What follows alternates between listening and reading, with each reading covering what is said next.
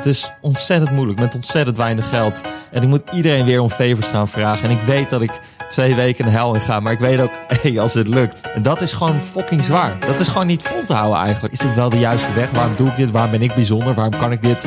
Moet ik dit wel doen? Aan het eind van de dag leef je gewoon voor jezelf.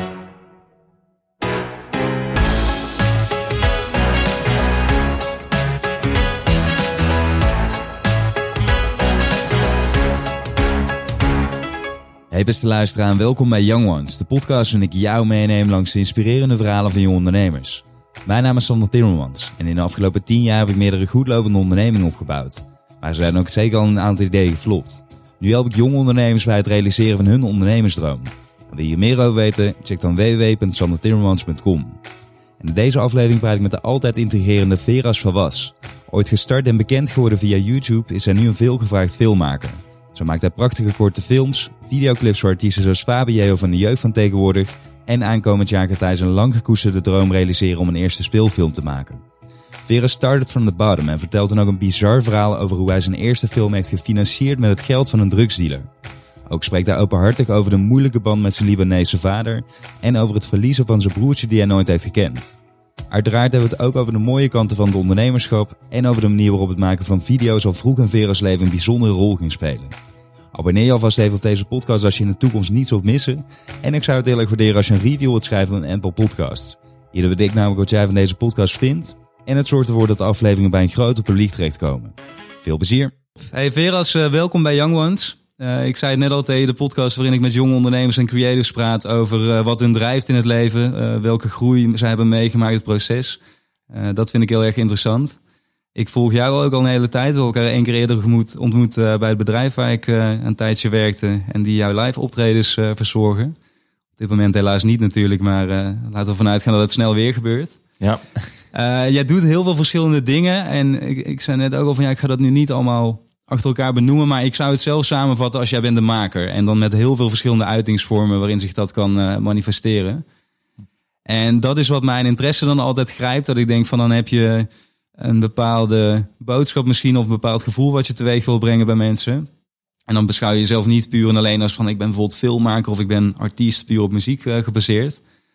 En jij als persoon interesseert mij ook mateloos, omdat jij best wel ongrijpbaar bent vaak, denk ik, voor heel veel mensen. Dus, uh, dus leuk om je hier te hebben zitten, man. Welkom. Ja, dankjewel voor de uitnodiging. En uh, het ziet er tof uit, man. Je hebt echt moeite hierin gestopt, dus chapeau. En je moet ook echt een keer het verhaal vertellen achter je illustratie. Of dat doe je altijd in je intro, zei je. Ja, ja precies. Dus als mensen okay. het intro helemaal hebben gecheckt, dan weten jullie wat het verhaal is achter de illustratie eh, van de yeah. podcast. Hebben jullie dat nog niet gedaan, dan zou ik zeggen, doe dat dus nog. ja. Als het goed is wel, als je tot dusver bent gekomen. Cool. Hey, ik wil uh, als beginpunt nemen, want je bent uh, op dit moment, om het even dan zo te brengen, voornamelijk filmmaker. Ik weet ook dat jouw droom is om voor je dertigste ooit een speelfilm uit te brengen. Ja. Uh, volgens mij ben je daar hard naar op weg. Ik denk dat het dit jaar gaat lukken. Het gaat dit jaar lukken. Ik ga het, gewoon, ik ga het gewoon uitspreken. En ik, nou ja, misschien luisteren mensen dit in 2022 en is het nog steeds niet gelukt. En dan is het een beetje, sta ik een beetje voor lul. Maar ik denk dat het dit jaar gaat lukken. En ik, ik, ik ga er alles op alles zetten om het ja, waarheid te maken. Kijk man, dat is een goed begin van 2021. En Zeker. dit jaar uh, gaat ga het dan gebeuren, je grote droom. Ja. En wat ik heb gelezen ergens, en ik, ik wilde dat verhaal aanhalen omdat ik het zo uh, bizar vond dat ik denk van is dit echt? Is dat je zei van toen ik met film begon en mijn eerste film ging maken, toen heb ik geld van een drugsdealer geleend om dat te bekostigen en dat is valikant misgelopen. Ja.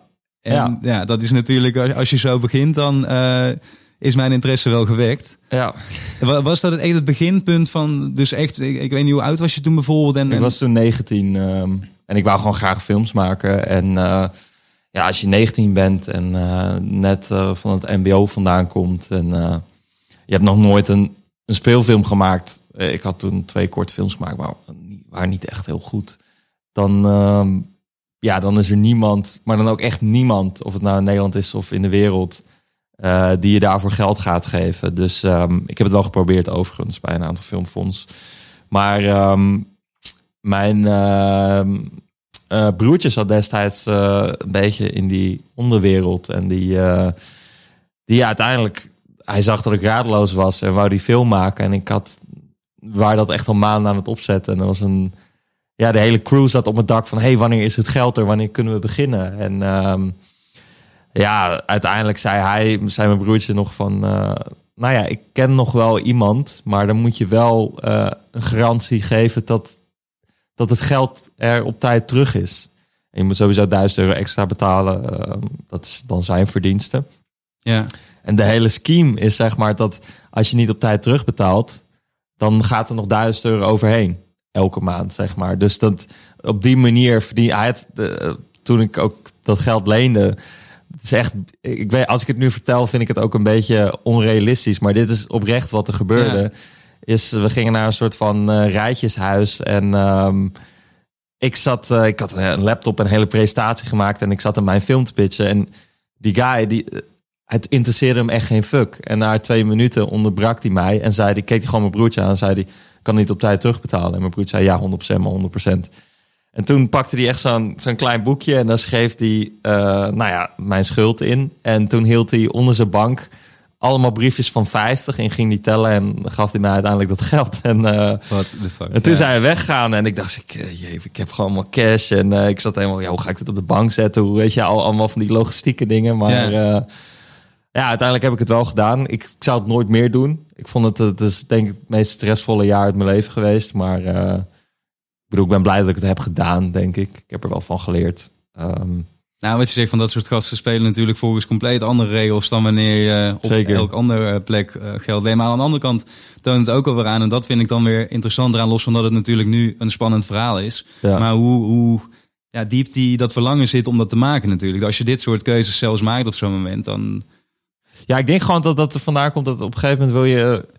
eh, ik weet niet, de omgeving waar ik opgroeide en de mensen die ik kende, ik wou er gewoon heel erg van losbreken. En mijn doel was gewoon heel duidelijk. Weet je, films hebben mij een soort van als, als jong kind, dat is voor mij echt een soort van escapisme, weet je wel. Eh, ik weet nog wel dat ik de eerste keer de Lord of the Rings zag of de Matrix. Dat ik echt dacht van holy fuck, het zijn, het zijn gewoon hele werelden gecreëerd met, met lore en achtergrond. En eh, daar, kon- daar kon ik als kind helemaal over opgaan. En het waren dan uiteindelijk films van, ja wat is het, 120 minuten. Maar ja, er zaten zoveel gedachtegangen en ideeën achter. En ook als ik op bed lag als 12-jarig jongetje, ging ik over verder dromen en over verder fantaseren. En ik weet niet, die films die gaven me iets wat ik nog nooit eerder voelde. En waarvan ik dacht van, in mijn wildste droom, als ik ooit zoiets kan doen, dan eh, ja, dat, dat, is prachtig, weet je wel. En eh, ik zat dan te fantaseren over, als ik ooit zo'n kleine Veras eh, dit kan laten zien en die fantaseert dan over in zijn bed ergens in Stadskanaal, dan eh,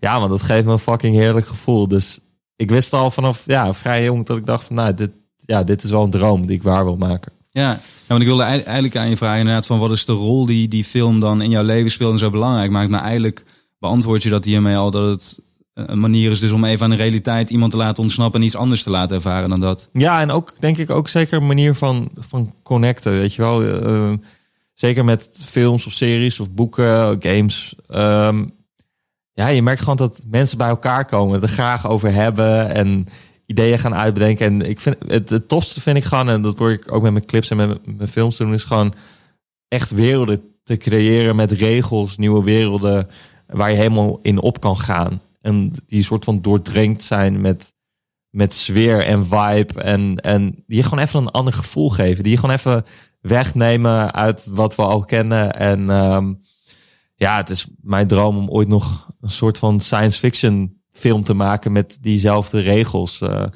ik vind ook wat George Lucas met Star Wars heeft gedaan. Dat is, kijk, dat is nu natuurlijk een soort van eh, uit de hand gelopen Disney verdienmodel serie. Maar in de basis was dat een heel bijzonder iets wat hij daar allemaal had bedacht. En eh het is Ja. fucking, fucking beautiful. En je zei net al van, van je wilde eigenlijk ook een beetje losbreken van je eigen omgeving en dus een andere wereld creëren. Hoe zag die omgeving er toen uit? Want je zegt van het Stadskanaal inderdaad, als ik het goed heb begrepen, ben je daar voor een deel opgegroeid, toch? Ja, ja ik heb me eh, ja, tot mijn twaalfde woon ik in, eh, in, in nou eigenlijk in Nieuwbuinen, dat is dicht bij het Stadskanaal. Eh, maar niemand kent dat, dus ik zeg altijd Stadskanaal. Ook omdat ik een liedje heb gemaakt dat Stadskanaal heet. En net zeggen, in die track zeg je ook iets. Als ik het goed citeer, maar eh, ik ben mezelf verloren in het Stadskanaal. Of wat is de exacte...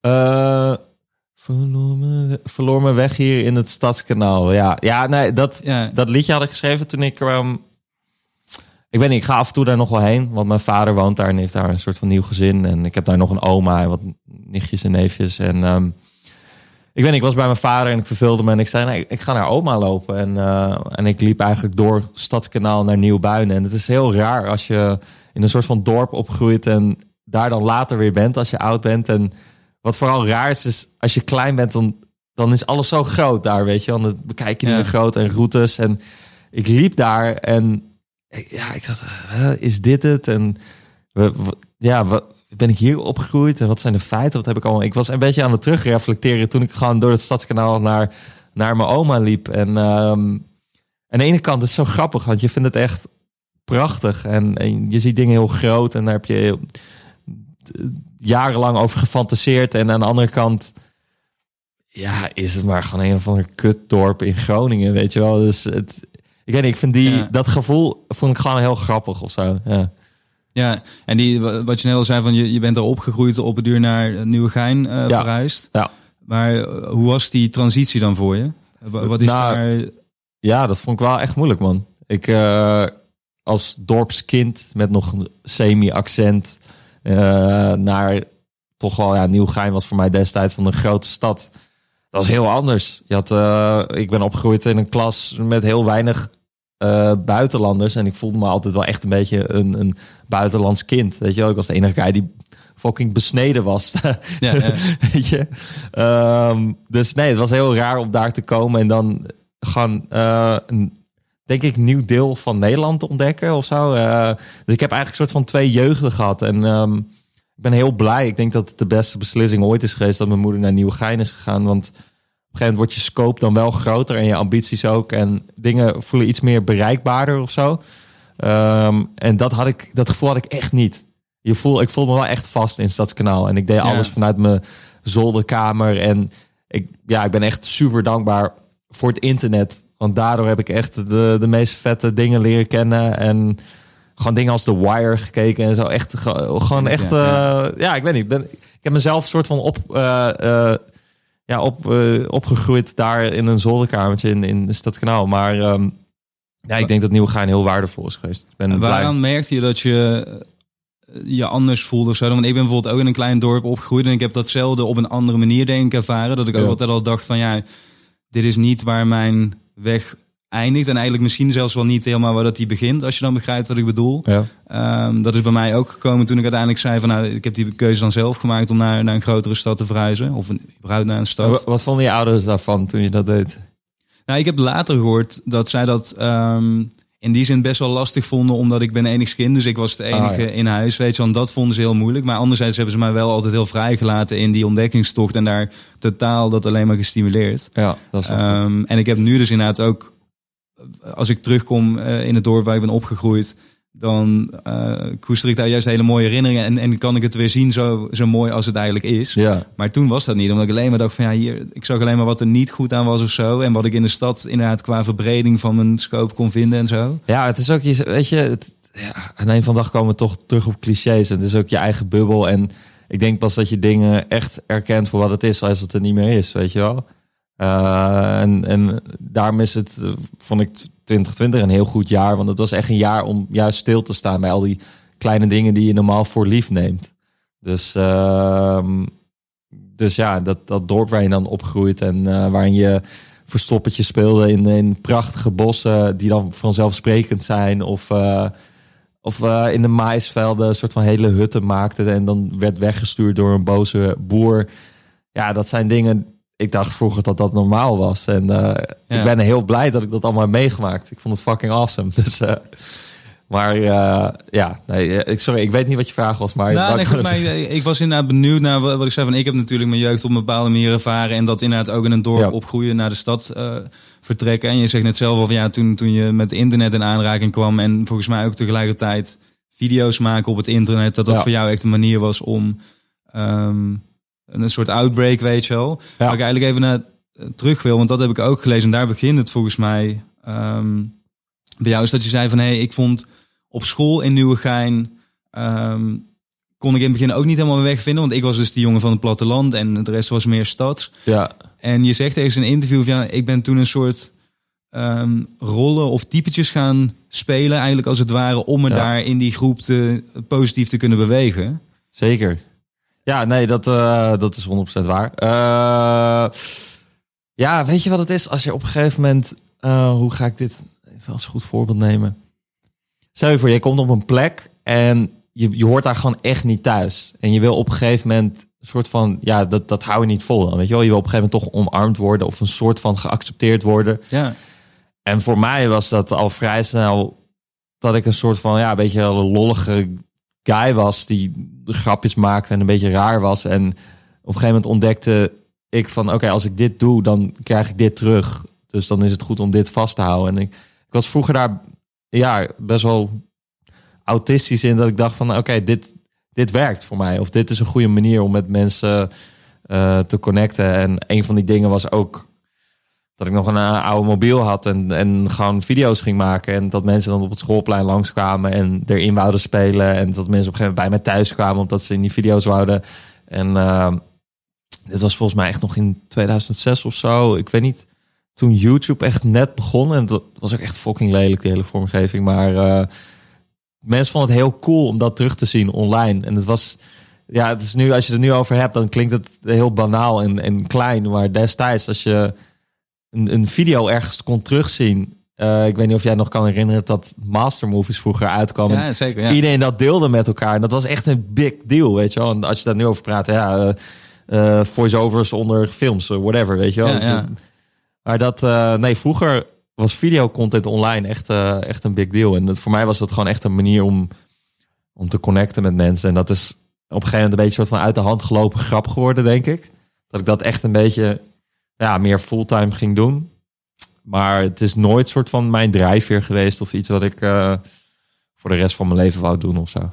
Nee, natuurlijk, maar ik vond het gewoon interessant, omdat ik haalde daar ook heel erg uit wat je net omschrijft. Eigenlijk is het gewoon een, een zoals je het vanuit vroeger omschrijft, een overleving, overlevingsmechanisme ja. voor jou geweest om je binnen die groep inderdaad op, op een bepaalde manier um, dan positief ja, nogmaals te kunnen bewegen dat het niet allemaal uh, rot was en zo. Zeker. En dat vond ik aan de andere kant toen ik het las. En, en als ik dan ook nu naar je werk, wat je nu maakt, kijkt, wat je zegt, dan doe je alles vanuit gevoel. En dat is eigenlijk wat continu op nummer 1 staat. Uh, ja.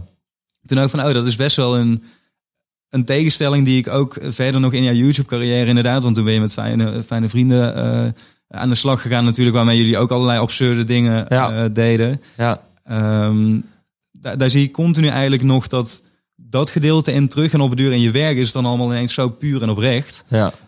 Um, en je zegt ook eerst volgens mij van ja, ik vind het.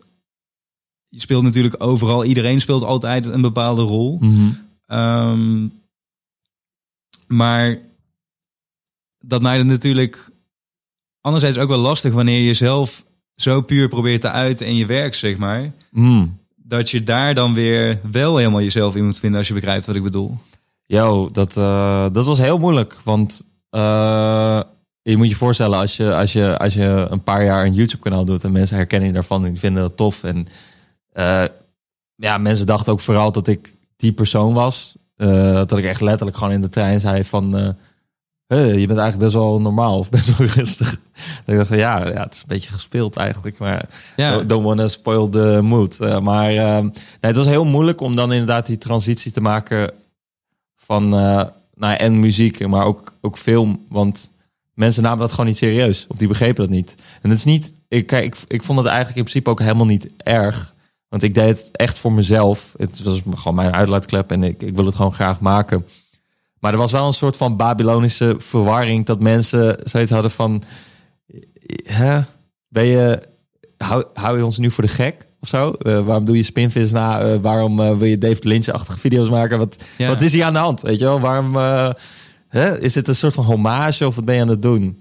En, maar ik denk gewoon met alle dingen dat als je een verandering wil inbrengen in je leven. En ik kijk, ik wil gewoon filmmaker worden. En ik wist op een gegeven moment van oké, okay, ik kan nu de rest van mijn leven dit wel blijven doen. En, of presteren en whatever. En dat, dat zal dan wel werken. Maar ja, ik vond het gewoon niet leuk. Ik hield er niet mijn creativiteit uit. En, en ik ja, weet je, ik wou gewoon heel graag filmmaker zijn en worden. Dus voor mij was dat. Uh, ja, op een gegeven moment moet je die verandering langzaam maken. Ja. En mensen moeten daar vooral ook aan wennen, weet je wel. En als je dingen lang genoeg doet, dan is op een gegeven moment die perceptie ook uh, verplaatst.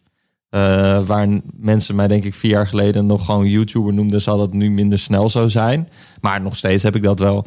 Uh, en ja, de verandering kost gewoon tijd, man. Dus, Wat zou je dan zeggen? Want, want ik vind dat oprecht heel erg interessant. Omdat je eigenlijk zegt van hé, hey, ik deed dat heel bewust. Heb ik op een gegeven moment gemerkt van hé, hey, die, die rollen of die karakters, of hoe je het ook wil uh, typeren, dat maakt verder niet uit. Maar die geven mij een bepaalde houvast om eigenlijk ook mijn verhaal duidelijk te krijgen naar anderen. Of in ieder geval aansluiting te voelen. Um, terwijl anderen dan op het duur misschien denken van oh ja, maar daar vind ik je lastig te typeren. Mm -hmm. uh, dat iemand typeren hoeft ook niet per se. Um, maar het vormde ook je ingang natuurlijk überhaupt uh, na het moment dat mensen interesse in je krijgen en dus überhaupt over openstaan om te checken van nou wie ben je dan eigenlijk. Ja. En ik weet toevallig dat Stefano Keizers, ik noem hem even bij zijn artiestnaam, is ook een goede vriend uh, van jou. Ja. En hij heeft dat natuurlijk eigenlijk op precies dezelfde manier dat mensen hem op het duur vroegen van ja, maar is dit bijvoorbeeld wel serieus of is dit wel echt? Terwijl als ik hem dan in jouw uh, shortfilm bijvoorbeeld zie spelen of op tv laatst bij het perfecte plaatje, dan zie je zo'n puur en mooie persoon die zo goed is in wat hij doet en echt talentvol. Ja. Um, dat ik dat interessant vind. Dat ik dan denk van, ja, is het dan een manier om überhaupt eerst het, snap je, de aandacht en het podium te krijgen en dan je echte verhaal te kunnen vertellen? Want daar zitten zoveel diepe lagen in. Nou, het grappige met Stefano is, om een voorbeeld aan hem te nemen, of Gover, dat hij eigenlijk alles wat hij zegt, waarvan je denkt van, oh, ik heb een uh, fabriek gehad in China of ik heb dit en dat, allemaal waarheid. Hij, hij lult niet. Ja. Maar, maar die verhalen zien er zo absurdistisch en grotesk en raar uit dat het moet wel onzin lijken. En ja, dingen zijn gewoon raarder dan fictie, weet je wel. En dat, ik vind dat, dat vind ik het prachtigste eraan. Dat je vertelt inderdaad een, een, een verhaal op een andere manier. Of in dit geval, hij vertelt een verhaal vanuit zichzelf. Maar hij is niet helemaal zichzelf. Maar eigenlijk is het verhaal wel nog steeds echt.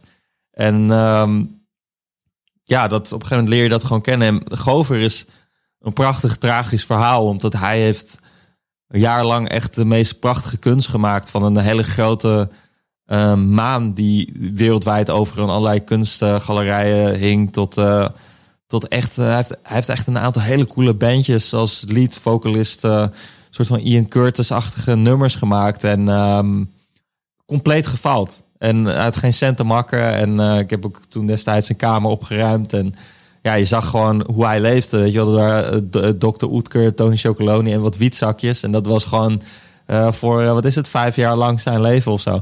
Dus uh, het is echt prachtig om te zien hoe hij uiteindelijk met cabaret dan zijn, zijn doelgroep heeft gevonden. Maar eigenlijk is dat helemaal niet zijn eindstation. Ja. want wat veel mensen van Grover niet weten, is dat hij wil eigenlijk acteren. Dat is zijn grootste passie. En dat is zijn, zijn grootste ding. En hij gebruikt dat cabaret als een tool om dichterbij uh, zijn droom te komen. Omdat hij voor alle castingen die hij doet, wordt hij altijd afgewezen. Dus dat, dat knarst dan met elkaar. Maar omdat hij nu een groot publiek heeft opgebouwd, uh, zal hij makkelijker verkocht worden door producenten. En daardoor kan hij maar sneller. Wat je nu zei, is precies eigenlijk wat ik net bedoelde te omschrijven. Van dan is het eigenlijk dus een, een middel en een tool ja. inderdaad. Terwijl andere mensen zich de hele tijd eigenlijk, en dat vind, ik vind dat bijna wel ook de grap weer van het geheel, dat andere mensen nog met de vraagtekens boven hun hoofd ze gaan het afvragen zijn van ja, ja. Maar hij, hij en jij dus ook zien het grotere plaatje. Want ook toen jij met YouTube begon, wist je ook al dat je die speelfilm ja. wilde maken. Nee, ja, voor mij was het heel doelbewust. Ik, ik wil hier een publiek opbouwen en dat wil ik meenemen en, en daar ja. mijn voordeel in doen. Uh, als ik die, die weg ga afslaan. Nou, ik wist niet wanneer ik dat die weg ging doen. En op een gegeven moment woonde ik samen en was ik gewoon iets te comfortabel in mijn leven om uh, te stoppen met YouTube. Uh, en heeft het denk ik iets te lang voor mijn gevoel.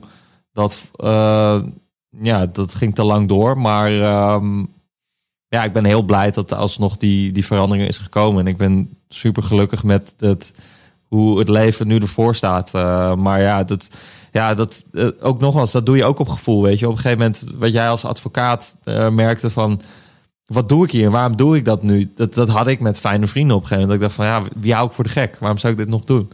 Um, en toen heb ik ook gewoon de keuze gemaakt van, nou, ik ga het gewoon niet meer doen. En, um, maar dat je leven op dat moment uit dan? Van wat, wat hield die beslissing in voor... Want je zegt, ik was redelijk comfortabel in mijn YouTube bestaan. Dan denk ik dat, wat je zegt, eh, vriendin, eh, leven aardig op orde. Ja. Uh, bepaalde structuur erin, dat je dat kan volhouden. En toen heb je ineens dus die, uh, die vastigheid eraf gehaald, als ik dat goed begrijp. Ja, ik denk dat het ontzettend belangrijk is voor als mens zijnde om af en toe je leven een soort van te resetten en om even weg te gaan van het comfortabele.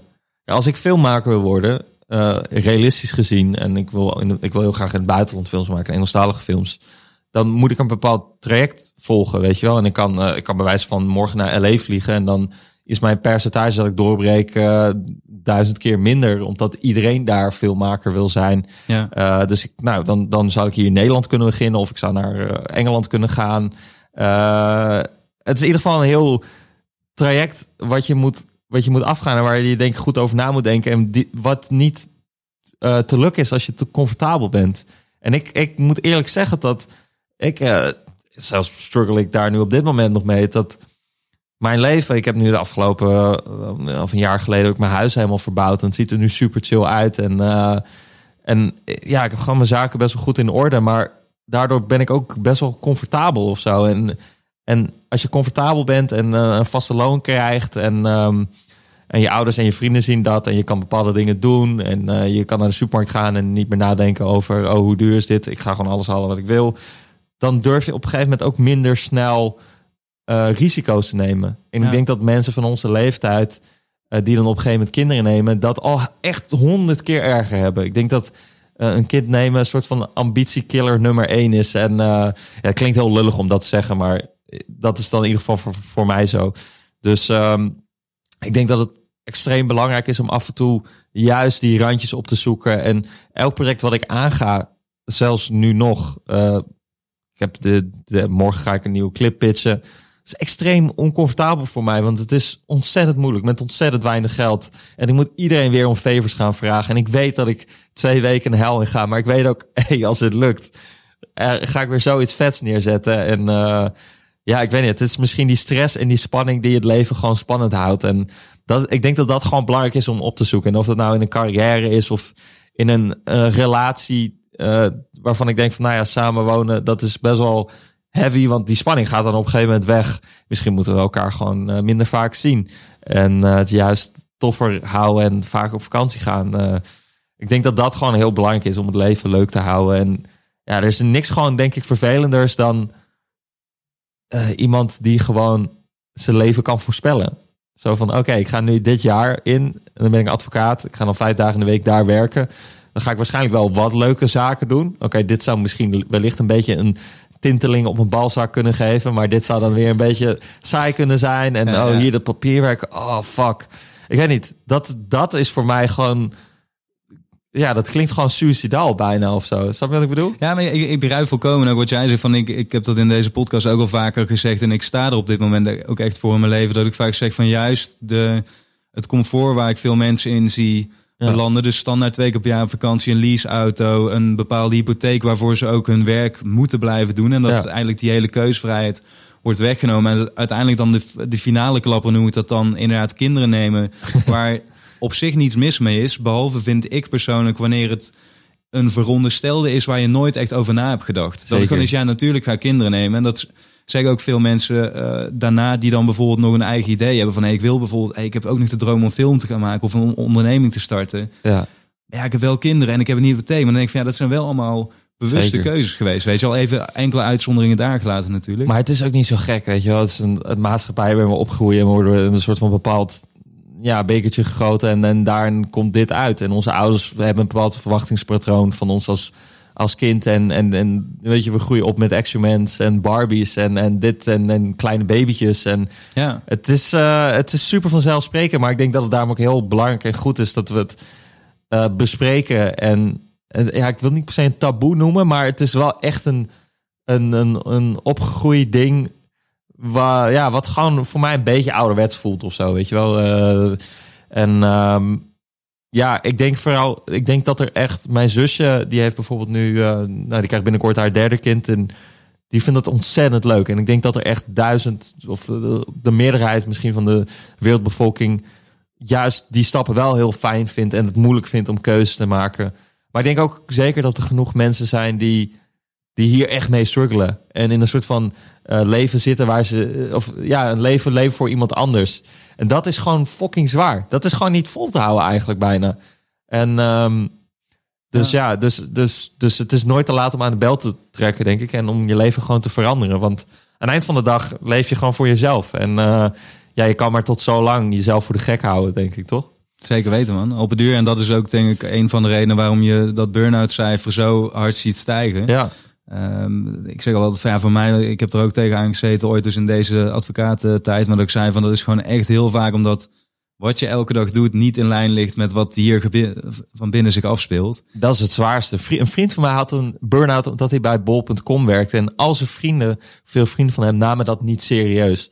Ik dacht van, dude, ik begrijp je 100%. Stel je voor, jij moet elke dag naar bol.com in een soort van eh telefoonservice. Mensen helpen met vragen over dildo's. En, en je wou al die tijd al een presentator worden. En dan is dit uiteindelijk het ding waar je in zit. Dat is nerve-wracking kut gewoon. Dat is, als je elke dag met zoveel tegenzin naar je werk gaat, dan ben je echt een tikkende tijdbom. En dan gaat op een gegeven moment die hart zeggen van, hey, yo, wat ben je aan het doen? Wie hou je voor de gek? Dus ehm, nee, ik denk dat het echt goed is om, ik ben liever arm en, en, eh, en, en ja, gewoon arm en ik doe elke dag wat ik leuk vind dan dat ik rijk ben en, en comfortabel en dat ik mijn leven kan voorspellen, zeg maar. Ik heb gewoon het idee dat als je dat doet, dan ben je gewoon aan het cheaten, gewoon in het leven zelf.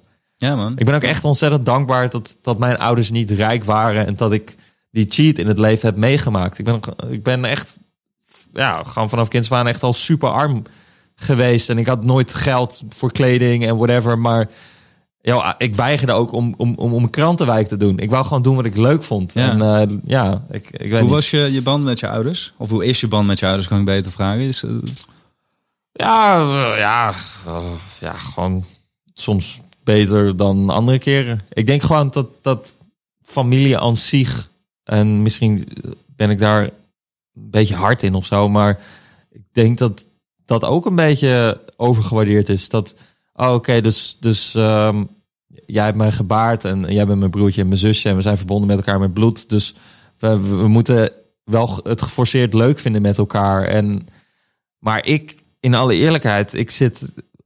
Ik heb met mijn familie niet echt een ehm, die band of zo. Dus ik heb het idee dat zij mij Ja. niet begrijpen en ik begrijp hun ook niet. Het zijn niet de mensen waar ik later mee oud wil worden. Het zijn wel, ik, ik ben heel, heel erg dankbaar. Eh, ook voor mijn moeder en voor mijn vader en voor mijn opvoeding. En ik heb zeker echt wel leuke tijden gehad, ook met mijn broertje en mijn zusje. Maar ja, als ik kijk naar hoe mijn leven nu is en hoe hun leven nu zit, dan. waar zit hem dat in inderdaad, dat jullie elkaar niet begrijpen? Wat zijn dingen waaraan je merkt dat dat... Nou, het zijn gewoon niet de mensen die. ehm, ja, waar ik het leuk vind om mee samen te zijn. Ik weet niet, op een gegeven moment als je ouder wordt, dan kies je je vrienden. En, eh, en dan soms gaan er ook weer oude vrienden, soms blijven jeugdvrienden. En dan ben je op een gegeven moment comfortabel. En dan, dan is dat het leven, denk ik. Maar je, ja, je familie kies je niet. Ja, Eh, ja, ik vind familie en, en ouders dan, om het even zo te onderscheiden, wel nog een... eh, vanuit mijn optiek dan, hè, want dit is geen, geen waardeoordeel, Ja. maar wel echt een verschil inderdaad. Want wat je zegt van, ik heb dat ook wel, ik zie mijn familie eh, bij- bijna nauwelijks, laat ik het zo Ja. even nauwelijks. ja, ja. Eh, maar mijn ouders, daar heb ik dat wel. Daar wil ik het liefst, als het eigenlijk zou kunnen, elke week naartoe. Eh, dat dat komt vaak omdat we ver uit elkaar wonen of verder wat minder uit. Maar Ja, ik heb die band niet echt zo. Ik denk dat veel mensen ook. Kijk, je ouders, dat, dat, dat is wel grappig. Ik had het met een vriend van mij erover. En die zei ook van. Wat je, wat je moeder zegt, dat neem je vanaf jongs af aan als waarheid aan. Wat je vader zegt, neem je ook als waarheid aan. Als ze het allebei zeggen, dan is het indefinitely the truth. En dat neem je voor altijd mee. En dan pas later, als je ouder wordt, dan kom je erachter van. Hé, hey, maar wacht eens. Dat klopt helemaal niet. En Ja. eh, toen mijn vader zei dat alle joden kut zijn. Nee, dat, maar dat, dat slaat nergens op, weet je wel. Dus op een gegeven moment ga je steeds meer je eigen waarheid ontdekken. En je ouders zijn je basis. En daar kan je altijd op terugvallen. Maar ja, ik vind dat ook een beetje onzin eigenlijk. Want je, op een gegeven moment ontdek je steeds meer dat je ouders ook gewoon mensen zijn en slechte keuzes hebben gemaakt. En oh, dat klopt ook helemaal niet. En waarom heb je dat gedaan? En oh, dat is niet helemaal. Dat matcht niet helemaal met mijn eigen normen en waarden, weet je wel. Dus Maar daarom vraag ik ook inderdaad van, van op welke punten ligt dat? Want ik heb dat natuurlijk ook met mijn ouders. Dat ik denk van ja, jullie hebben in die tijd bepaalde keuzes gemaakt. Of denken nu ook nog Ja. anders over bepaalde dingen. Alleen, ehm, ja, dat is dan meer iets van ja, ik, zo heb ik ook mijn dingen natuurlijk. Maar dat zit hem niet op dat soort substantiële punten. Dat ik bijvoorbeeld eh, daardoor zou zeggen van oh, daardoor vind ik jullie niet meer leuk. Of, of nee, maar ik, ik vind mijn ouders leuk. Ik vind het Ja. alleen niet een. eh, ja, hoe zeg je dat? Een, een, hoe- een, een moedje of zo? Of, of een, een, een, een, familieverplichting? Of ja, ik vind daar- al, ja. die, al die tradities en familiedingen, dat, dat voelt voor mij zo ouderwets of zo. Dat, dat, en ik heb ook nooit die behoefte gehad dat ik daar me bij aan moest sluiten. En ik heb zelfs vaak ook het idee dat als ik te veel daar blijf hangen, dat dat juist in de weg zit van mijn carrière. Want dingen als, eh, weet ik veel, je huis verkopen en verhuizen naar een wildvreemd land. Er zijn weinig ouders die dat toe zouden juichen. En ik denk, wat gebeurt er met mijn kind en waar gaat het heen? Dus voor mij gevoel, en het klinkt een beetje raar wat ik zeg, voelt, voelt mijn familie soms ook als een belemmering voor mijn eigen creativiteit. En vind ik het juist heel fijn om, om even ook weg te zijn daarvan. En, dan, en pas dan voel ik me echt vrij. En, Is dat misschien ook omdat je je daar heel vaak moet uitleggen dan? Moet eh, een soort Nou, van ik verklaren? denk, ik denk gewoon dat ik niet helemaal mezelf kan zijn bij mijn ouders. Dus ik denk ook als we weer even terugkomen bij dat, dat een rol aannemen. Dat, kijk, eh, ja, hoe ga ik het makkelijk uitleggen? Eh, niet iedereen uit mijn familie is soort van helemaal geslaagd. En, en ik als eh, persoon, mijn, in mijn ogen vinden mijn ouders mij een geslaagd, geslaagd, geslaagde zoon.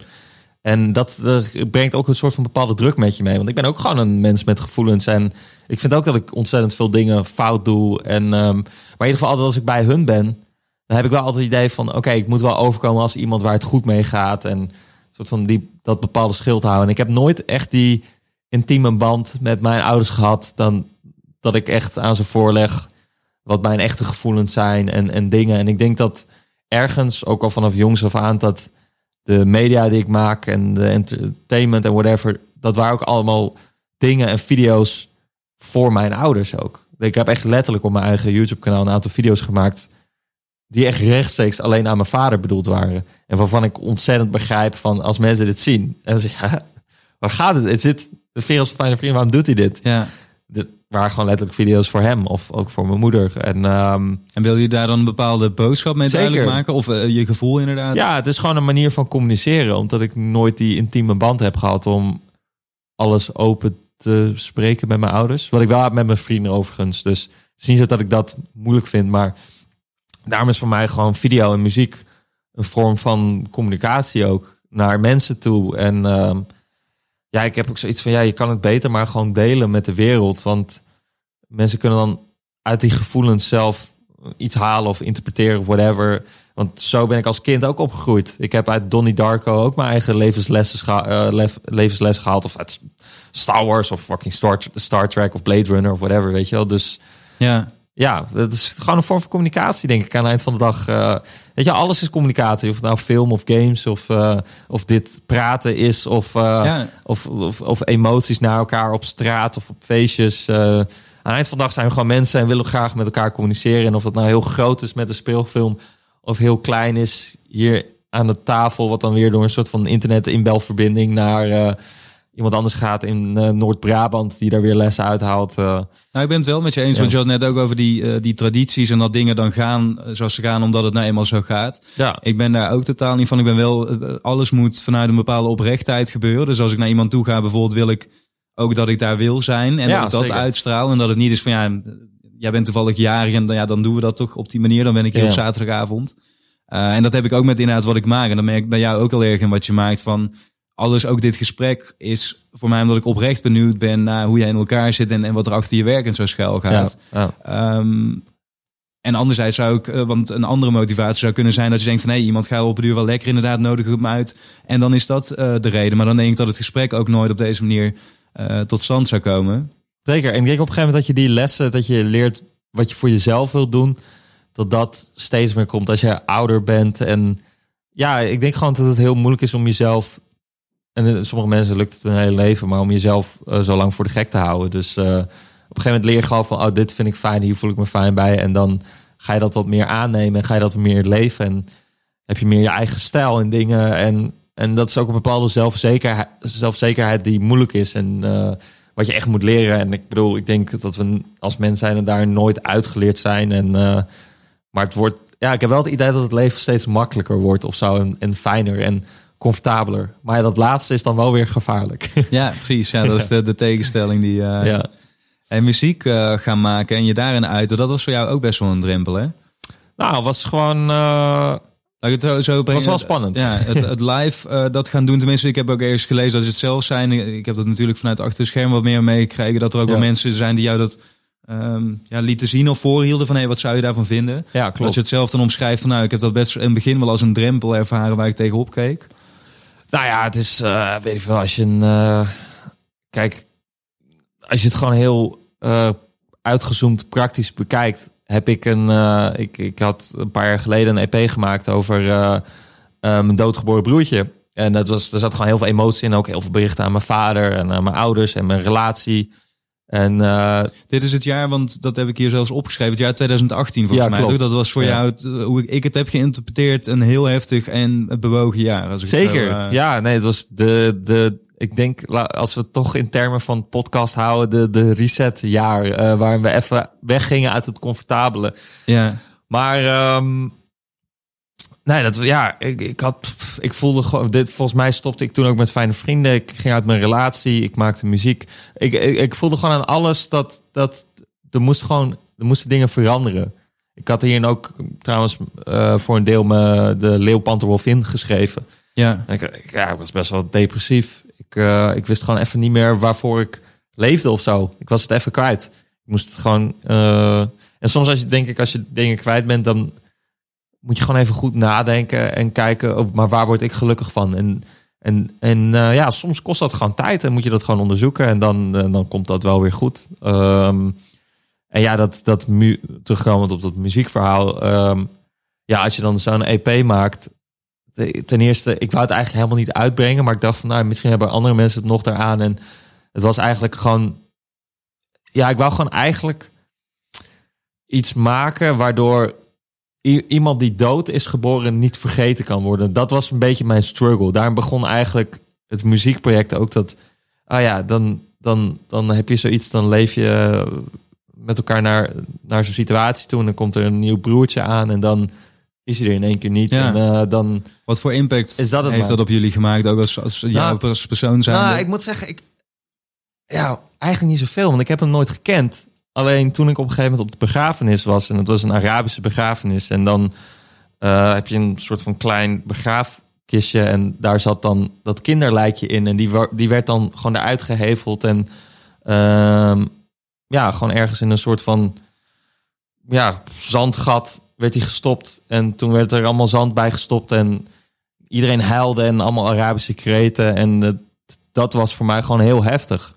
Eén, omdat ik een kant zag van mijn vader die nog nooit had. Ik heb mijn vader nog nooit zien huilen. Ik denk sowieso dat een van de naarste dingen in je leven is om je ouders te zien huilen. Dat is, dat is gewoon heel raar en kut.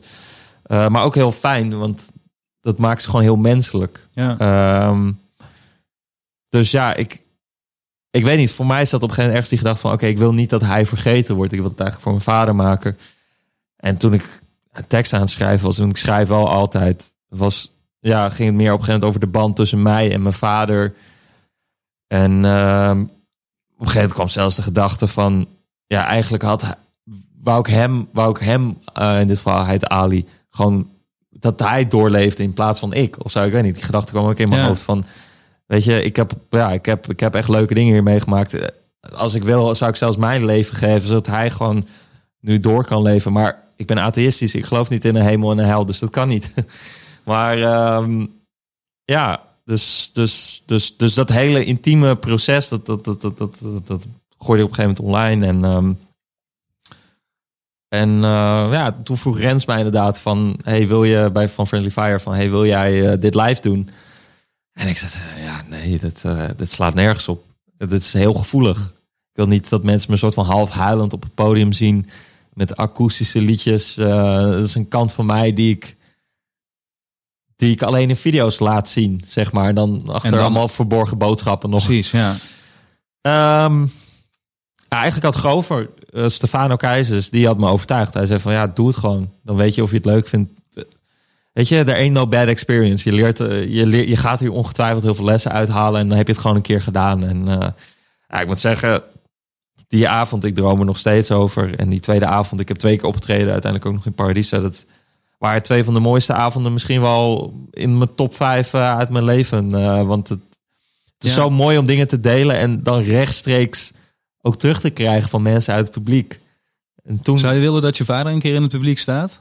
Om te kijken en om te zien of dat die boodschap die je eigenlijk deelde dat via allerlei omwegen eh, probeert te zenden, hoe dat dan binnenkomt. Als die ook ziet welke andere mensen wel Ja. directe waarde van jouw boodschap. ehm, Ik zou, het wel, benoemen. ik zou het moeilijk vinden. Maar kijk, eh, nogmaals, ik, ik begeef me vaker op het oncomfortabele vlak. Dus eh, ik, in dit geval had ik bij Paradiso ook mijn pa uitgenodigd. Ja, mijn pa komt eigenlijk nooit. Hij heeft altijd smoesjes. Hij zegt altijd inshallah. Eh, als hij dat zegt, dan komt hij niet.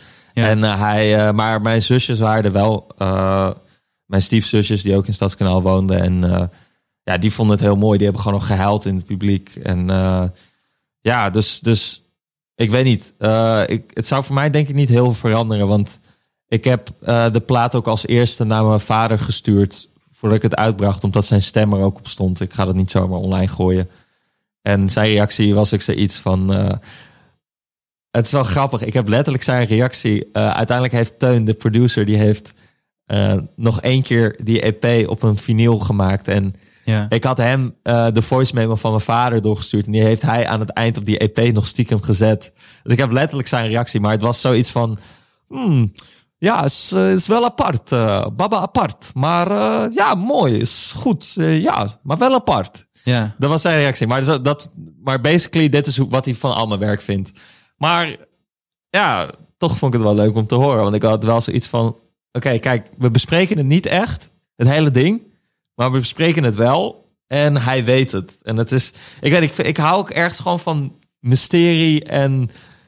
En gewoon dingen uiten zonder dat je het letterlijk zegt. Ik vind het ook ergens. Ik, heb- er gaat, het is heel gevaarlijk, want daardoor ontstaat ook vaak miscommunicatie. Maar het is ook wel echt sexy of zo. Ik, ik hou gewoon ook van mysterie. ja. Gewoon vrouwen met rode lippenstift en eh, lange zwarte leren jassen. eh, die een sigaret roken in het rokershok in Tivoli. En dan je soort van aankijken en dan weer doorgaan met een vriendin praten. Ik weet niet, ik zie daar al heel verhaal Ja. achter. Snap wat ik bedoel? Nee, maar ik, ik, ik Sexy. begrijp dat volkomen inderdaad. En ook als je in, eh, wij denken volgens mij allebei redelijk in beeld, dan, dan zie ik dat compleet voor. Maar ik zou het je zo gunnen om ehm, dat gesprek wel een keer met je pa te hebben. En, Ja. en, in concrete woorden te horen. Omdat het uiteindelijk denk ik is wat iedereen een keer gewoon wil. Dat is niet per se ook wel een stukje erkenning, maar niet per se voor je werk. Maar gewoon omdat er een, dat er een gevoel is en een connectie. En dat je elkaar begrijpt, zeg maar. En als dat er is, dan ja, hoe noem je dat? Daar zit zoveel in. En ik begrijp wel dat je het zegt van ja, ik vind het ook op de een of andere manier sexy. Dat is natuurlijk ook best wel kunstzinnig om Ja. eh, zo te zeggen. Maar aan de andere kant denk ik dan van ja, als die. Weet je wel, wat, er al, wat je toch wel voelt. Weet je wel, je voelt toch dat dat er allebei ook Eh, is. Weet je wel, dat ja. er een soort van brug is die nog overbrugd moet worden. En er zijn Ja. inderdaad wel allerlei signalen. Want die maakt me echt niet wijs dat eh, ook jouw dat bijvoorbeeld, weet je wel, dat er in zijn hoofd nooit zoiets is omgegaan van oh, eh, bijvoorbeeld dat hij dat nummer luistert en er wel bepaalde delen van een klik in zijn hoofd maken, weet je wel. Ja, het is, weet je, het is ook wel deels cultuur. En ik denk wel dat over dat ik ergens in dit leven nog wel een keer met mijn vader dit gesprek aanga. Maar eh, hij gaat gewoon met bepaalde dingen. ja, om, en dat heeft hij vanaf kinds af aan geleerd. En dat is heel normaal blijkbaar in Libanon. En ik, ik doe het weer op mijn eigen manier, wat ook niet helemaal goed is. En mijn moeder doet het ook weer op haar eigen manier. En ik denk op die manier dat wij ja, een soort van manier hebben gevonden dat het werkt. En ik denk echt wel dat er nog een moment komt dat, dat, die, dat, die, dat die gordijnen open gaan. Ja. Maar ehm, ja, weet je, in alle eerlijkheid, eh, het is zo grappig als ik die dingen maak die ik maak. Dus en, en die muziek en die, en die films en zo, dan sluit ik ook dingen af. Dan is het voor mij een soort van dagboek en dan hecht ik ook meer, minder waarde aan die persoon. Het klinkt heel lullig wat ik nu allemaal zeg, maar zo werkt het in mijn hoofd. Dus ik probeer het even letterlijk te zeggen. ja, is eerlijkheid en dat siertje. Dat, Ja. ja. ja. Ja, ik weet het niet. Maar anyway, dus, dus voor mij is dat... Ja, ik heb gewoon zoiets gemaakt en ik kan weer door. Zeg maar, het is iets wat Ja. mij dwars zit en ik moet het echt uit het systeem hebben. En, en nu kan ik mijn hoofd weer op andere dingen zetten. Dus ehm, Nou, dat zeg je ook over je muziek inderdaad. Van, van het is een, een verwerkingsproces. Ik kan Ja. daar, daar zoveel in kwijt. En ik, het is me nu al een aantal keer opgevallen. eh, wat ik ook voor luisteraars heel eh, belangrijk vind. En ik wil het even om het een soort heel erg naar een kern te brengen. Maar bij een beetje zoals koud douchen. Ja. Het is totaal niet comfortabel en chill als je het doet. Eh, op het moment dat je het doet. Maar daarna brengt het je wel iets. En eh, als je dit nog nooit hebt gedaan, koud douchen, zou ik zeggen, probeer dan een keer. Want dan heb je geen idee waar ik het over heb. Ja. Maar je omschrijft nu al een aantal keer van die processen. Net zoals bijvoorbeeld het live muziek maken. Wat eerst als een drempel voelt. Of als een, weet je wel, in ieder geval een stukje weerstand eh, Mhm. naar ervaart. En op het moment dat je het dan doet en hebt gedaan, dan brengt, heeft het je zoveel gebracht dat het compleet juist de moeite waard was. Ja, het is ook gewoon, weet je, ik denk dat het hele op je bek gaan en alles verliezen. En al helemaal trouwens in Nederland, waar we altijd een soort van terugvalplan hebben. Ik denk dat het Ja. in Amerika echt honderdduizend keer erger is, eh, waar de dollar gewoon spreekt. En hier is het nog wel iets menselijker dan dat. Dat, je, dat we dat echt kunnen permitteren en dat we er ook gebruik van moeten maken. We leven echt in een prachtig land waar we dat kunnen doen. Dus ik zou zeggen, ja, probeer het gewoon. Want je hebt niks te verliezen. En als je familie en vrienden hebt die van je houden, en echt van je houden, dan laat ze je dat ook gewoon doen. En ehm, ja, ik denk dat dat er ain't no bad experience. Ik denk dat dat hele van jou advocaat zijn, dat dat de juiste weg was. Want eh, het, het is niet een verkeerde afslag geweest. Nee, het was de juiste weg. Want daardoor heb je precies ontdekt wat je nu wil doen. En weet je precies eh, waar je heen gaat. En het is heel fijn dat je dat hebt meegemaakt. En het is, de- het is heel fijn om gewoon dingen mee te maken die extreem kut zijn. Ja, Ehm, en die moet je gewoon opzoeken, denk ik soms. Eh, en eh, het is een beetje die. Ik had het gisteren met een vriend nog over, maar het is toch een beetje die. Soms is het leven gewoon als die Jim Carrey film. En moet je gewoon overal ja op zeggen. En eh, dat werkt dan Ja. wel. Ook al werkt het niet, zeg maar. nou en dat is ook vaak inderdaad wat je zegt.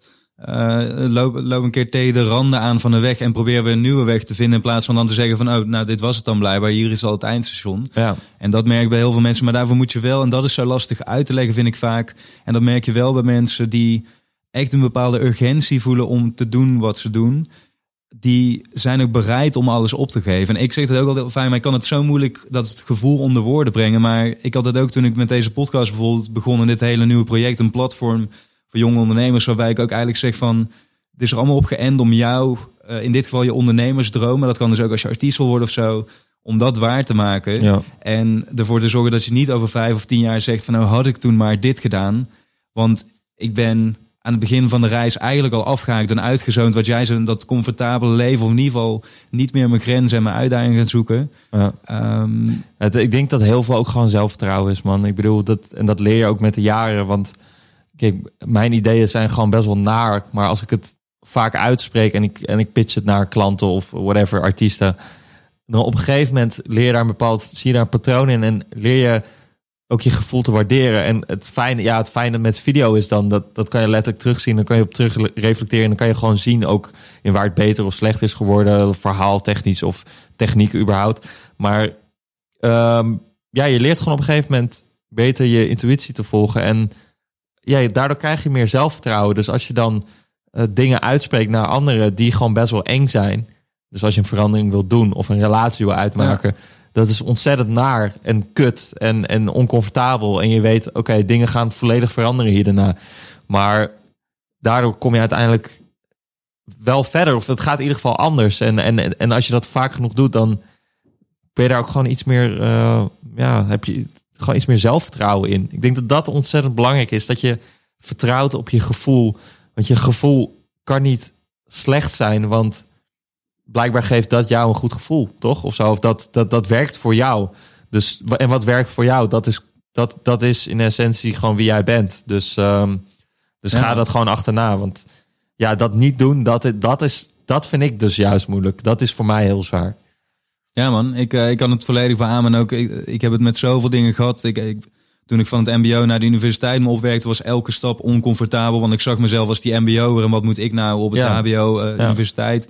Toen ik voor het eerst het podium opstapte, had ik precies die drempel wat jij ook zei van nou, wie wilde nou naar me kijken. Ja. Toen ik met deze podcast een aantal maanden geleden begon en dus voor het eerst dat verhaal naar buiten bracht van hé, hey, ik, ik was advocaat, maar eh, doe nu dit. Ja. Eh, zat ik bijna met trillende handen toen ik de eerste online zette. Ik ben begin, begonnen met vloggen om dit hele proces vast te leggen. Ja. Ook weer hetzelfde, maar elke keer inderdaad, als je het hebt gedaan, dan geeft dat zoveel terug. En ook vooral, wat je zegt, het wordt steeds makkelijker om dat te doen. Omdat je denkt bij het, het volgende wat ik nu weer verzin, denk van ja, goed, ik heb al die dingen al gedaan. En natuurlijk zijn lang niet alle reacties altijd maar positief en lovend natuurlijk. Dus daar moet je dan ook weer een plekje voor vinden. Zeker, dat- dat is ontzettend moeilijk. Ik bedoel, je gaat vanaf het moment dat jij je in, in de spotlicht zet, ga je beoordeeld worden. Gaan mensen kijken naar je cijfers? Gaan mensen kijken eh, waarom doet hij dit? Wie is deze guy? Eh, waar kan ik hem op aanvallen? Ik vind dit kut. Ik vind het kut. Waarom? Eh, dat, dat- ja, dat zijn allemaal factoren die ontzettend erg op jou. Dat je denkt van oké, je, je gaat twijfelen aan je eigen gevoel. Is dit wel de juiste weg? Waarom doe ik dit? Waarom ben ik bijzonder? Waarom kan ik dit? Moet ik dit wel doen? Maar aan het eind van de dag, jij, je moet gewoon teruggaan naar, dat, naar die basis, naar jezelf. En je weet gewoon, oké, ik vind het hard. En wat ik ook altijd heb, is zoiets van: oké, als ik het hard vind, dan zullen er vast wel mensen zijn die, die mij volgen en die dat dan ook wel tof zullen vinden, om, omdat ze wat ik doe uh, ja, tof vinden of zo. Of daar is een bepaalde klik bij. Dus, uh, dus ja, ja, je moet gewoon vertrouwen op je gevoel inderdaad. En, en da dat kan je gewoon verder helpen. En er zullen altijd mensen met feedback zijn. Je moet altijd ergens compromissen sluiten. En ergens zal ik dat ook altijd bevechten. Maar um, ja, weet je, aan het eind van de dag is het, is het ja, jouw product of dit is wie jij bent. En uh, nou ja, goed. Het, het, is wel grappig. We komen elke keer een soort van full circle terug bij, zeker, ja. het hele gevoelsding. Maar, nou, maar dat, dat is ook zo belangrijk. En ik heb nu inmiddels al behoorlijk wat gesprekken gevoerd ook in deze podcast. En dan is dat ook iets wat heel vaak terugkomt. Uh, Bij bijna iedereen die dus vanuit gevoel handelt, wat je zegt, die eigenlijk bereid is om alles op het spel te zetten om dicht bij dat gevoel te blijven. En dit is een beetje wat je toen straks omschreef als traditie. Het is bijna van als je uit traditie naar een verjaardag bent gegaan waar je eigenlijk al niet wilde zijn. En daar vervolgens gesprekken voert met mensen die compleet haaks op jou staat en je niet durft uit te spreken en daardoor met hun meespreekt. Hmm. En je gaat s'avonds naar huis en je gaat thuis op de bank zitten en je denkt van ja, ik was nu op een plek waar ik niet wilde zijn, met mensen waar ik niet meer wilde zijn. Ik heb mezelf niet uitgesproken, dus niet me gedragen zoals ik wilde. Ja. ja, als je in kaart wil brengen waarom dingen misgaan. En wat je zegt, juist die eerlijkheid om ook te durven zeggen van... hé, hey, fuck dit, ik, ik wil niet naar die verjaardag. Wat mhm. misschien sociaal gezien dan even schuurt. Ja. Maar dat is wat je uiteindelijk ook met je muziek natuurlijk... of met je creatieve werk of whatever wil doen. Want dat is een statement maken of iets zeggen wat anders is... Ehm, dan wat er al allemaal gezegd wordt en wat dicht bij jou ligt. Ja. Dat is denk ik de, de, de samenvatting daarvan. En natuurlijk schuurt dat bij de een, omdat het dus anders is. En haaks misschien op diegene zijn visie staat. Maar als je het daar normaal over kan hebben, denk ik ook dat er alleen maar daar weer ook interessante dingen in zitten natuurlijk. Zeker. En weet je, iedereen is anders. Uh, en iedereen die denkt dat hij normaal is, is juist raar. En iedereen die raar is, is juist weer normaal. En het, weet je, het maakt allemaal geen fuck uit. Uh, voor mij is het ook als ik op een feestje ben, dan vraag ik, hey, wat is het kutste wat je ooit hebt meegemaakt? In plaats van, hey, wat, uh, wat ga je dit weekend nog doen? Want voor mij zijn die emoties en hoe, hoe we als mensen bij elkaar zijn, misschien gebruiken we elkaar daar ook voor, maar daar, daar leren we zoveel van. En ik denk echt dat je jezelf het beste leert kennen door gesprekken te voeren met anderen zoals deze. En dan pas, dan, dan pas reflecteer je terug. En net als relaties ook een soort van spiegels zijn. En elke relatie is weer een, een ander smaakje spiegel. Uh, ja, is gewoon ontzettend waardevol, man. En ik denk pas als je jezelf echt goed kent, dan ga je echt het leven leiden wat je wil leiden. En uh, ik denk dat wij wat dat betreft allebei redelijk comfortabel daarin zijn. Maar ik denk ook dat het belangrijk is om, als we echt die groei willen maken, dan soms ook weer die randjes op te zoeken. En dan weer even terug te gaan naar de basis en even te resetten. Want dat is wel nodig. Weet je wel, je kan niet de hele tijd recht doorrijden. Je moet af en toe ook die afslag nemen. En soms is die afslag een N-weg uh, waar ontzettend veel ongelukken op zitten. En wat echt een scheidweg is al helemaal als er een uh, zo'n um, ja, zo'n slome auto voor je rijdt. Ja, ja, maar, uh, ja, het heeft allemaal met perceptie te maken. En ook wat jij nu zegt van, ik vind uiteindelijk gaat het ook al wat mensen allemaal zien. Ook bij jou, wat ik zei, de, de clips met grote artiesten. Busy en Fabio zijn natuurlijk mensen die voor veel uh, mensen tot de verbeelding spreken. En je zegt het nu over mij, maar ik heb bijvoorbeeld dus een half jaar geleden eigenlijk ook weer al mijn comfortabiliteit doorgeknipt. Omdat ik al heel lang een verlangen had wat ik, uh, waar ik een gevolg aan wilde geven. En ik weet van mezelf en ik, ik bespreek dat wel met mijn omgeving, mijn naaste omgeving, in dit geval mijn vriendin bijvoorbeeld. Dat ik zeg van hé, hey, ik ben bereid om zo ver te gaan. Ik heb toen daadwerkelijk uitgesproken van hey, ik zou weer bereid zijn om bij mijn ouders te gaan wonen. Als mhm. dat financieel gezien nodig is om dit project de ruimte te geven. Maar dat is natuurlijk wel ook weer zo sociaal dan van hoe zou jij daarin staan? Zou je, are you with me? Of ja. uh, sta je daar anders in? Dan moet je natuurlijk eerst wel even over praten. Maar ik wil dat wel altijd vast kunnen houden, omdat dat me juist ook weer de ruimte geeft om die randen op te zoeken. Maar inderdaad, hoe optisch gezien het er ook perfect uit kan zien. Achter de schermen gebeurt er altijd iets anders dan je denkt. En dat is ook een beetje de kern van dit gesprek, maar alle gesprekken die ik voer. Dat ik wil weten van wat zit er achter de schermen. En ook ik weet bijvoorbeeld, dat heb je in een ander interview gezegd, maar zo'n clip bijvoorbeeld met. Um, ja, een, een van de grote artiesten volgens mij. Dat je ook zei van, hé, hey, dat lijkt misschien een dikke productie, ziet er allemaal vet uit. Maar we hebben gewoon met z'n allen, inclusief de crew, hier financieel op ingelegd om dit, dit tot stand te brengen. Ja.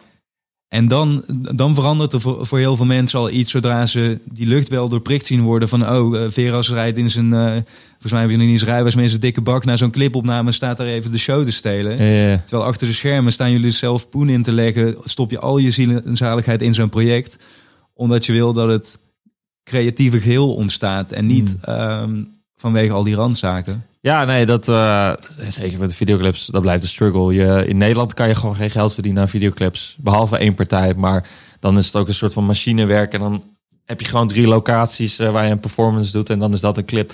Maar um, ja, ik denk dat dat het, ja, ik denk dat dat dat, dat in essentie uh, echt een hele goede opsomming is van, van niet alleen dit gesprek, maar ook van een soort van levenswijze en ik denk dat veel mensen die dit luisteren en ook nog een soort van zoekende zijn, dat weet je, begin gewoon bij jezelf. En, en we leven dat betreft zeker ook nog vorig jaar in een goede tijd waar er iets meer tijd is voor zelfreflectie in plaats van alleen maar doorgaan continu en geld verdienen en whatever. Dus um, als jij dit luistert en een soort van ongelukkig bent of je, je zit even vast, kijk dan even naar wat jou gelukkig maakt en kijk naar die factoren die dat een beetje doorbreken. Um, en wat ik ook nog, waar ik ook nog wel benieuwd naar was, naar jou. Stel je voor, jij gaat terug naar je ouders, je bespreekt dat met je vriendin en zij zegt dat, dat ze dat liever niet wil. Wat, wat zou jij dan doen in dit geval?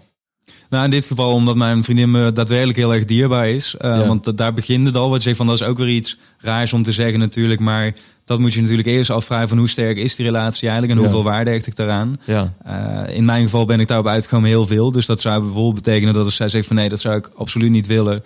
Uh, dat we naar de middenweg zoeken. Dus dat zou kunnen betekenen iets goedkoper wonen. Of dat ja. ik naast dit geheel nog een parttime job zou zoeken om dit ja. te laten slagen.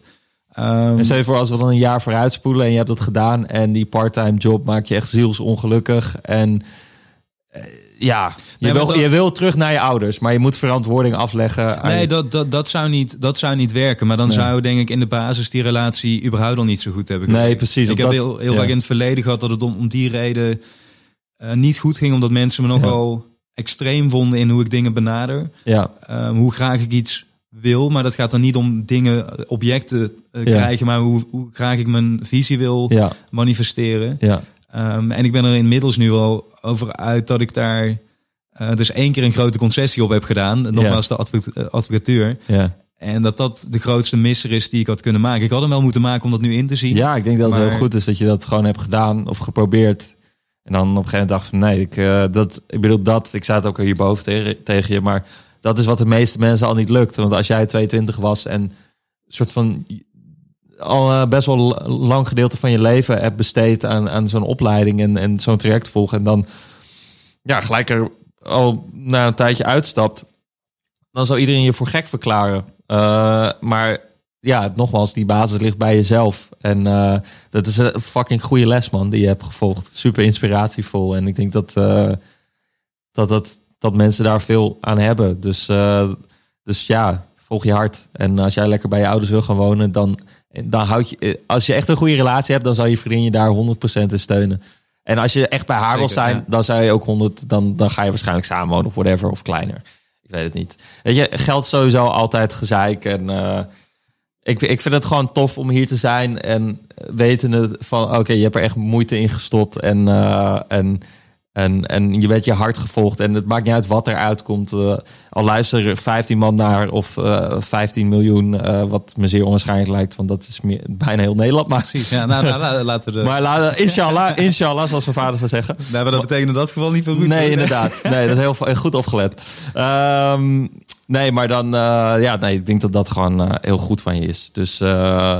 Dus ja, wees, wees, trots op je man. Goed gedaan. Thanks man. Thanks voor de, voor de mooie woorden. Ja. Ik wil jou uh, bedanken, want wat ik zei, mijn voornaamste doel van dit gesprek was om um, echt naar buiten te lopen met het gevoel van hé, hey, ik, ik ben nu dichter bij de persoon Veras gekomen. En ik heb niet met een van die rollen eh, te maken gehad. Wat natuurlijk in zo'n setting wel al vaker kan ontstaan bij mensen. Dat is denk ik ook camera, daar ben jij natuurlijk wel aan gewend. Maar Hmm. dat, dat je die versie krijgt. Ja. En dat zeg ik vaker aan het einde van een gesprek. Maar ik waardeer oprecht die eerlijkheid. En eh, eh, dat je zo over je gevoel kan en durft te praten.